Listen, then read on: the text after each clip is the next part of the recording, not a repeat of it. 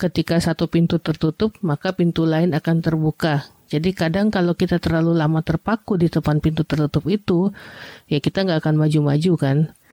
Selamat datang di CGI Podcast, Cerita Gigi Indonesia. Bersama saya Dr. Rara.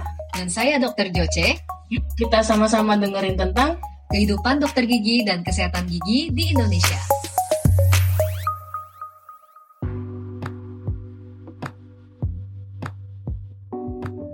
Halo semua, kembali lagi di podcast Cerita Gigi Indonesia bersama saya Dr. Rara. Kali ini podcast Cerita Gigi agak sedikit berbeda. Saya tidak ditemani oleh Dr. Joce dalam berpodcast nih. Jadi ini masih dalam keseruan 30 hari bersuara. Kami memutuskan untuk sedikit memberikan variasi di podcast Cerita Gigi Indonesia. Detailnya teman-teman bisa dengerin di episode sebelumnya ya. Jadi kita udah bikin dua uh, episode sebelum ini dan 30 hari bersuara ini kita rangkaikan dalam satu season sendiri. Oke, okay, jadi kesempatan kali ini saya ingin cerita nih tentang pengalaman pertama saya bekerja sebagai dokter gigi. Jadi setelah lulus jadi dokter gigi, saya tuh dihadapkan sama dua tiga pilihan sih tepatnya.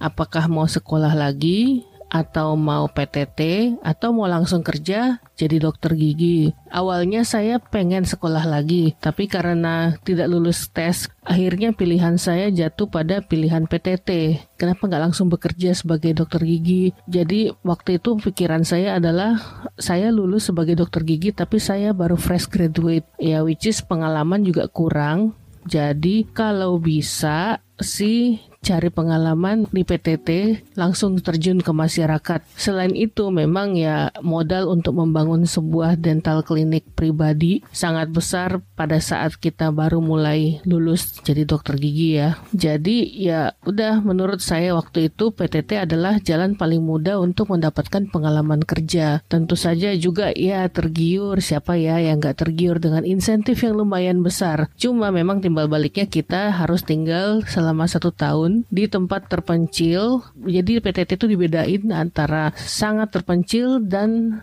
terpencil saja.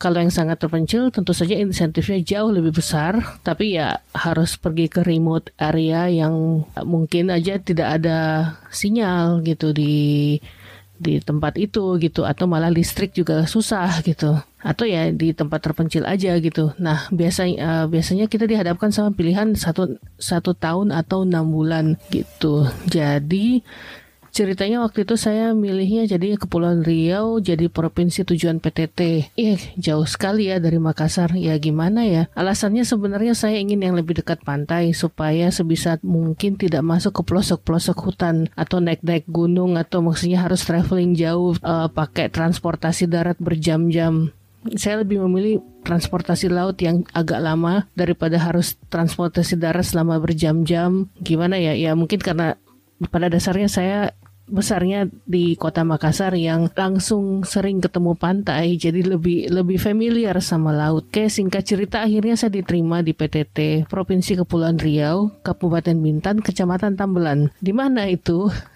Saya saja waktu itu baru dengar ada ya Kecamatan Tambelan dan ternyata itu satu pulau sendiri dong.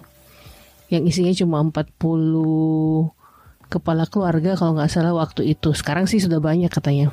Anyway, uh, ya itu 24 jam naik kapal, kapal perintis dari kota Tanjung Pinang, Pulau Bintan. Ya sesuai keinginan sih.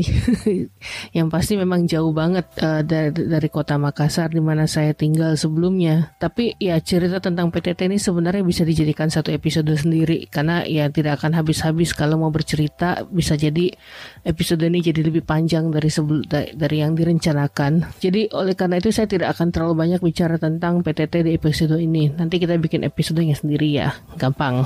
Nah setelah PTT saya memutuskan untuk bekerja di Jakarta Jakarta. Alasan saya mau kerja di Jakarta itu ya simple aja sih. Jakarta itu memang dekat dengan akses informasi, terus ilmu-ilmu tambahan untuk pembelajarannya juga jauh lebih cepat daripada kalau ya kalau kita tinggal di Makassar atau di daerah lainnya yang di luar Pulau Jawa sih pada pada umumnya. Bukan mau mendiskreditkan tapi ya itu fakta pada saat itu ya. Kalau sekarang mungkin segitu mudahnya internet dan segala macam uh, di mana orang sekarang sudah lebih gampang meraih informasi-informasi yang lebih baik gitu kan. Nah di sini sebenarnya strugglingnya dimulai karena sebagai lulusan Pulau Jawa tentu tidak mudah untuk diterima. Uh, believe it or not, ya begitulah kenyataannya. Karena dari sekian puluh interview, saya nggak usah bilang berapa puluh ya, intinya sekian puluh interview dan pengiriman CV, rata-rata itu sebenarnya mencari lulusan dalam Jakarta ataupun kota-kota besar di Pulau Jawa. Ya suram sih, tapi kan ya kita harus hidup ya. Jadi ya sudah lanjutkan saja. Akhirnya saya secara sporadis melamar ke mana-mana.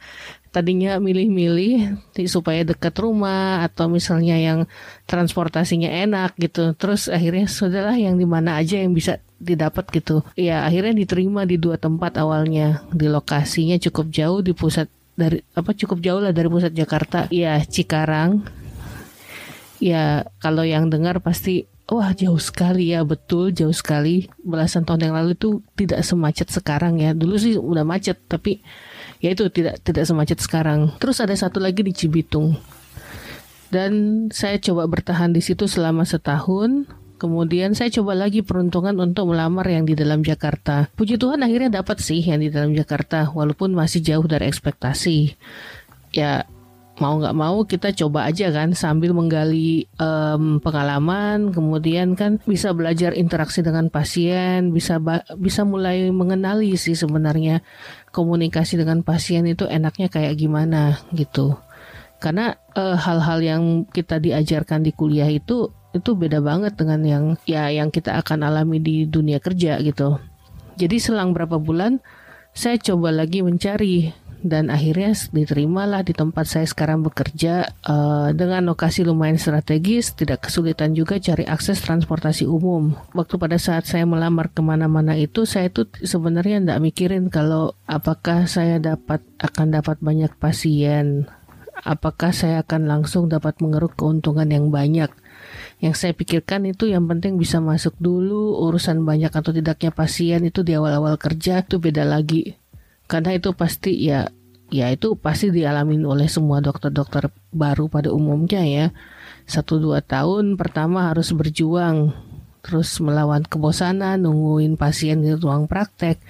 Yang saya kerjain di ruang praktek pada saat nunggu pasien ya saya bawa laptop saya kemudian saya internetan. Kebetulan juga saya memang seorang blogger jadi uh, saya coba cari side job di untuk menunjang biaya hidup juga tentunya. Pada saat itu profit sharing yang masuk tentu juga belum dapat menutupi kebutuhan hidup pribadi ya dan lain sebagainya. Tapi ya mau gimana sabar aja. Ya cukup sedih juga karena akhir-akhir ini tuh saya sangat prihatin sama teman-teman yang memang begitu lulus dari dokter gigi terus mau kerja terus langsung nyari uh, tempat yang banyak pasiennya. Ya itu pasti semua mau sih. Tapi kan pasien itu juga yang datang juga sebenarnya lihat-lihat gitu. Mereka kadang-kadang tuh nanya siapa yang sudah lama berpraktek? Dokter siapa yang lebih senior? gitu-gitu. Banyak tuh pasien yang sebenarnya lebih bawel dan nyari dokter yang lebih lama. Kita kan susah dapatnya kalau misalnya kita baru. Jadi memang harus ya harus sabar gitu. Terus ya gimana moral of the story ya saya sabar aja karena saya tahu semuanya itu tidak in, tidak bisa instan ya. Buat teman-teman sejawat yang baru lulus atau yang baru mulai memasuki dunia kerja, sabar ya dan terus belajar ada yang beruntung bisa langsung mendapatkan banyak kesempatan, tapi ada juga yang tidak beruntung sehingga harus lebih banyak berjuang. Tapi tidak apa-apa gitu. Tiap manusia kan punya pergumulan masing-masing yang selalu pasti ada jalan keluarnya. Banyak hal yang ditemukan di dunia kerja tidak dipelajari di bangku kuliah dulu. Jadi jangan terlalu kaku sesuai dengan tektokan masa kuliah dulu misalnya kuliah dulu ini harus begini harus begitu. Kita harus sesuaikan gitu dengan pasiennya maunya gimana. Oke kalau pasien maunya segini terus kemudian ses tidak sesuai dengan yang biasa kita lakukan di kuliah dulu kita harus cari jalan keluarnya yang kira-kira cocok dengan pasien kemudian tetap cocok dan tidak keluar dari rambu-rambu perawatan gigi yang kita mau kasih ke pasien tersebut gitu. Dan sering sering-sering bertanya ke dokter-dokter yang sudah praktek sebelumnya di tempat kerja teman-teman sejawat. Karena ya mereka biasanya jauh lebih tahu gitu.